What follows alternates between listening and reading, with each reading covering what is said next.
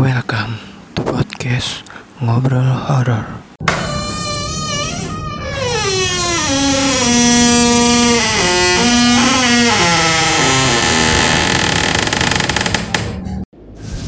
Halo, selamat malam. Balik lagi sama gua Taufik di podcast Ngobrol Horor. Ya, kali ini episode keempat podcast gue. Uh, dan kali ini gue bakalan ngebahas tentang salah satu mall yang ada di daerah Jakarta Timur. Gue bakalan ngasih tahu kalian tentang kisah-kisah yang beredar di sekitaran mall tersebut. Jadi kalian simak baik-baik beberapa kisah yang akan gue kasih tahu ke kalian tentang mall tersebut. Ya, uh, mall ini bagi orang Jakarta pasti tahu. Mall ini dulunya bernama Yogya Department Store. Mall itu terletak di kawasan Klender, Jakarta Timur. Gedung yang dikenal dengan nama Mall Klender itu menjadi angker karena peristiwa kematian massal saat terjadi reformasi pada tahun 1998. Pada tahun itu tragedi Mei Kelabu terjadi di Mall Klender. Dalam peristiwa kerusuhan itu, ada yang percaya bahwa Mall Klender memang sengaja dibakar Seramnya lagi, masih banyak karyawan dan pengunjung yang masih ada di dalam mall saat terbakarnya mall tersebut. Banyak masyarakat yang menduga ini terjadi karena kesenjangan sosial sebagai pemicu tragedi mengerikan itu. Konon katanya, mereka yang berada saat kejadian terjadi mengaku takut keluar karena kerusuhan di luar sana membuat mereka takut menjadi korban pengeroyokan, pemerkosaan, sampai pembunuhan massa. Bertahan dalam situasi tidak jelas, akhirnya mereka terjebak dalam kobaran api dan tewas seketika di dalam mall. Kejadian ini sudah bertahun-tahun lalu terjadi, namun kisah seram mall kalender seakan tidak pernah berakhir. Bahkan, gedung itu kini menjadi berhantu. Mitos-mitos seram pun mulai muncul dari kawasan mall kalender atau Mall Citra ini. Banyak yang mengaku pernah mengalami kejadian hantu di sana. Dilansir dari berbagai sumber yang ada di internet, eh, beberapa kisahnya bakalan gue bacain untuk kalian. Jadi gini, yang pertama ada dulu kisahnya itu uh, penumpang angkot hantu. Nah, saat mall kalender itu terbakar, ditemukan sekitar 450 mayat gosong terbakar. Bahkan mayat yang ditemukan banyak yang tidak dalam kondisi utuh. Setelah itu, kejadian angker mulai terjadi di sekitar gedung mall kalender. Salah satunya dialami oleh seorang penumpang angkot ini. Beberapa hari usai tragedi kerusuhan itu, kejadian terjadi ketika malam hari. Pria ini usai dari rumah temannya di daerah Buaran menuju Rawamangun. Dia naik angkot nomor 27 yang memang mengambil jurusan Buaran Rawamangun. Beberapa hari usai kerusuhan, kawasan yang melintasi Mall Klender memang masih mendekam, sehingga banyak orang yang belum berani melakukan bepergian. Namun, ketika angkot melewati Buaran, ada beberapa penumpang yang naik ke dalam angkot ketika melintasi Mall Klender. Para penumpang itu turun begitu saja dan masuk ke dalam mall yang baru saja terbakar. Penasaran, pria itu mengamati para penumpang yang diam saja sedari tadi. Betapa kagetnya dia saat tahu bahwa kulit dan bentuk para penumpang itu berubah menjadi hitam gosong seketika. Dan selanjutnya masih ada lagi uang yang menjadi daun. Nah, kisah ini juga cukup viral nih waktu itu. Jadi, Semenjak mall kalender terbakar, kejadian angker memang dialami oleh banyak orang. Sopir angkutan umum kerap kali menjadi korban sosok kasat mata tersebut. Seringkali, para sopir yang memiliki trayek melintasi kawasan Buaran melihat banyak pegawai mall yang berhenti di pinggir jalan saat malam hari. Namun, saat diamati dengan seksama, sosok-sosok itu menghilang begitu saja. salah satu sopir Metro Mini 506 jurusan Pondok Kopi, Kampung Melayu, pernah menjadi saksi dari kejadian tak masuk akal. Saat itu, dia begitu senang karena Metro Mininya langsung penuh. Lalu saat melintasi Plaza Kalender, Mall Kalender itu nih, para penumpang langsung turun semua. Lebih kagetnya lagi adalah para penumpang tadi membayar dengan uang yang secara misterius berubah menjadi daun seketika ketika para penumpang itu turun. Lebih parahnya lagi nih, karena banyaknya kejadian yang angker saat itu, bahkan beberapa trayek sempat tidak melintasi kawasan Mall Kalender usai kejadian kebakaran itu. Nah, bagi kalian nih orang Jakarta Timur, pernah nggak kalian dengar kisah serupa seperti ini? Selanjutnya ada arwah ayah yang datang. Kisah hantu di mall kalender juga pernah dialami oleh seorang pria bernama Yanto. Sebut saja Yanto. Dalam tragedi ini, Yanto kehilangan sang ayah, sama seperti kebanyakan pemuda saat itu. Yanto rupanya hendak ikut menjarah. Nah, saat itu tuh tahun 98, mall-mall semua dijarah sama masyarakat. Ayahnya sedang mencari Yanto untuk mengajaknya pulang dan tak usah ikut menjarah. Tapi sedihnya, si ayah rupanya terjebak dalam kebakaran itu. Tiga hari pasca kejadian, jenazah ayahnya belum ditemukan.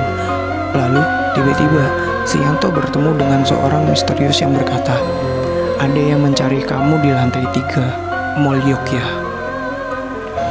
Posisinya pas di samping tangga jalan. Antara penasaran dan bingung, Sianto pun langsung kembali lagi ke gedung Mall Kalender. Betapa kagetnya dia saat mengetahui apa yang dia temukan di sana. Sesampainya di lantai tiga Mall Yogya, Yanto langsung menuju sampai tangga dan dia melihat jenazah ayahnya di sana. Jenazah itu dikenali dari jam tangan yang masih tampak utuh dan tidak terbakar pada tangan ayahnya. Selanjutnya ada tangisan misterius. Setelah gedung mall berlantai 6 itu hangus terbakar, kisah angker memang terus terjadi. Banyak warga yang di kawasan mall kalender mengalami kejadian yang tidak masuk akal. Bahkan di atas jam 10 malam, sudah tidak ada lagi kendaraan yang berani melewati mall kalender tersebut. Tidak hanya kendaraan yang enggan melalui, para pedagang juga tidak ada yang berani berjualan di sekitar mall karena kerap kali bau-bau mayat yang anyir dan misterius tercium jelas. Bahkan seminggu setelah kejadian, banyak yang mendengar suara misterius seperti suara tangis ataupun suara minta tolong. Suara misterius itu selalu terdengar dari gedung mall kalender yang sudah hangus terbakar dan kosong sama sekali. Lalu selanjutnya, telepon umum di lantai dasar. Dulu masih zaman nih telepon umum yang pakai koin itu loh. Nah, salah satu lokasi yang dianggap berhantu di mall kalender adalah lantai dasar. Walaupun disebut angker, masih ada saja orang-orang yang penasaran dan ingin mencari kebenaran sosok hantu di sana. Hal itulah yang dilakukan dua orang mahasiswa ini. Penasaran? Mereka memberanikan diri memburu sosok hantu di lantai dasar mall kalender. Mereka memulai aksi pukul 11 malam saat seluruh pekerja mall sudah pulang. Kedua pemuda itu memutuskan untuk menunggu di salah satu telepon umum. Tiga jam menanti, mereka mulai bosan namun, kejadian angker justru terjadi saat mereka berdua hendak pulang pada pukul satu pagi. Kejadian angker itu dimulai dengan bau-bau seperti daging terbakar, bau anyir. Nah, dilanda ketakutan si mahasiswa tersebut, tiba-tiba lampu lorong langsung mati tiba-tiba. Dalam kegelapan itu, bau misterius semakin kuat dan mereka berdua melihat sosok pria berdiri dengan wajah hancur dan tubuh hangus terbakar. Duh bro, bro. Yang kayak gini kok ditantangin, dicari buat apa gitu loh. Terus apa yang kalian harapkan ketika kalian bertemu dengan hantu tersebut Oke, selanjutnya itu uh, di sana itu ada yang namanya hantu SPG. Kejadian ini dialami oleh seorang pemuda dengan ayahnya. Pemuda asal luar kota ini hendak menuju rumah kontrakannya yang ada di kawasan perumahan kalender saat itu. Pada tahun 2000 atau dua tahun setelah tragedi mengerikan itu. Pasalnya, ayah dan anak itu tiba di terminal Pulau Gadung pada pukul 2 pagi. Pada tahun 2000, suasana Jakarta memang belum ramai seperti sekarang. Mereka berdua naik metro mini dan turun di kawasan Kebon Singkong. Perjalanan mereka lanjutkan dengan menyeberang rel kereta sampai menuju jalan utama Jatinegara. Lama berjalan, mereka memutuskan duduk di halte menanti angkot menuju Kampung Sumur. Karena bukan orang asli Jakarta nih, mereka berdua menunggu di halte yang tepat di depan mall kalender. Lalu, tiba-tiba muncul seorang SPG wanita dari arah mall kalender tersebut. SPG itu duduk begitu saja, tak selang beberapa lama. Si ayah langsung menarik tangan putranya dan mengajak pergi. Penasaran dong si anak. Nah, karena si anak ini penasaran nih, kenapa si ayah langsung ngajak pergi. Nah, sang anak itu melihat sosok SPG itu di halte. Tapi bukan manusia yang si anak itu lihat. Ternyata yang dia lihat adalah jadi sosok sosok yang dia lihat itu SPG tapi setengah badannya hangus terbakar. Lalu selanjutnya di sana juga ada pembeli nasi misterius. Nah, setelah terbakar, Plaza Kalender ini memang membutuhkan waktu lama untuk dibenahi, sehingga suasana yang terbangun di sekitar pusat perbelanjaan itu memang angker. Setelah kejadian itu, salah satu kelompok yang hampir menjadi saksi angkernya adalah para pedagang kaki lima yang ada di sekitaran mall tersebut.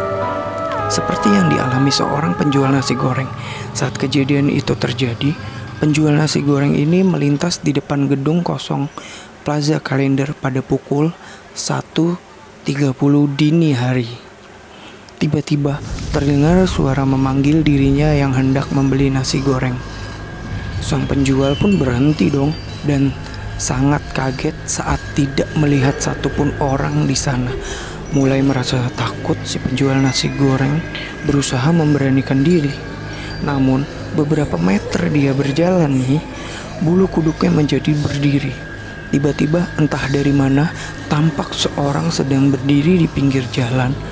Tapi bukanlah orang dengan penampilan normal, namun dengan tubuh dan pakaian yang seperti habis terbakar serta tidak mempunyai kaki alias dia melayang. Ada lagi cerita tentang satpam hantu. Nah, kisah ini dialami seorang penjaga di mall kalender. Saat itu, penjaga ini mendapatkan tugas malam dengan kedua temannya hingga tiba waktunya pusat perbelanjaan itu pun ditutup. Dan ketiga petugas jaga ini diwajibkan menyelusuri mall dari lantai teratas sampai lantai terbawah sebelum pulang. Malangnya, Sang saksi mata ini rupanya ketinggalan kedua temannya yang sudah menuju lantai atas.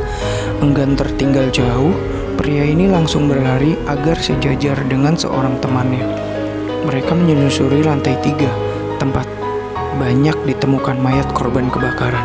Yang membuat pria ini merasa takut adalah suara langkah kaki temannya yang tidak bergema di sepanjang lorong kosong. Temannya itu tetap berjalan sampai berbelok di lorong dan hilang ketakutan. Penjaga ini berlari menuju belokan dan lebih kaget lagi saat sosok temannya lenyap begitu saja. Bau mayat membusuk pun langsung menyeruak di hidung si saksi ini. Tanpa pikir panjang, penjaga itu langsung berlari menuju bawah dan betapa kagetnya dia saat menabrak temannya yang berada beberapa menit lalu menghilang di lantai tiga. Lebih kaget lagi Sang temannya itu bilang bahwa dia tidak ikut ke lantai tiga dan hanya berdiri di lobi sedari tadi menunggu dirinya. Lalu, siapa sosok yang dia ikuti tadi? Oke, demikianlah uh, kisah-kisah yang pernah beredar di sekitaran mall kalender tersebut. Bagi kalian uh, teman-teman yang tinggal di sana, apakah kalian pernah mendengarkan kisah-kisah yang udah gue ceritain tadi? Oh iya, uh, saat ini uh, mall kalender itu sendiri sudah dibenahi uh, dan direnovasi sedemikian rupa menjadi kalau nggak salah namanya Ciplas. Kalau nggak salah namanya Ciplas sih sekarang ini. Udah berganti nama jadi Ciplas. Itu sudah ada sekarang udah ada XX1 nya sudah ada hiburan yang ada di dalamnya seperti kayak ada Rama Ramayana juga ada di situ. Terus bioskop sudah ada. Terus kayak uh, banyak makanan-makanan yang uh, enak di dalam mall tersebut juga. Sekarang udah rapi lah pokoknya. Uh, sudah menghilangkan kesan horornya. Ya begitulah episode 4 kali ini uh, tentang mall kalender. Oh iya bagi kalian yang memiliki kisah-kisah uh, seperti ini atau pengalaman kalian atau dari teman kalian pernah diceritain atau dari saudara-saudara kalian kalian bisa DM ke gue uh, Instagram gue bisa ke call me Taufik call me Taufik C A L L M E T A U F I K. Atau kalian bisa DM juga ke at podcast ngobrol horor atau kalian juga bisa email ke podcast ngobrol horor at gmail.com Oke segitu dulu episode 4 kali ini. Terima kasih yang sudah mendengarkan episode-episode yang lalu Episode 1, episode 2, episode 3 Terima kasih banget udah mendengarkan Dan terima kasih banget uh, Kritik-kritik kalian yang uh, mungkin bisa membangun podcast gue ini Uh, selamat malam.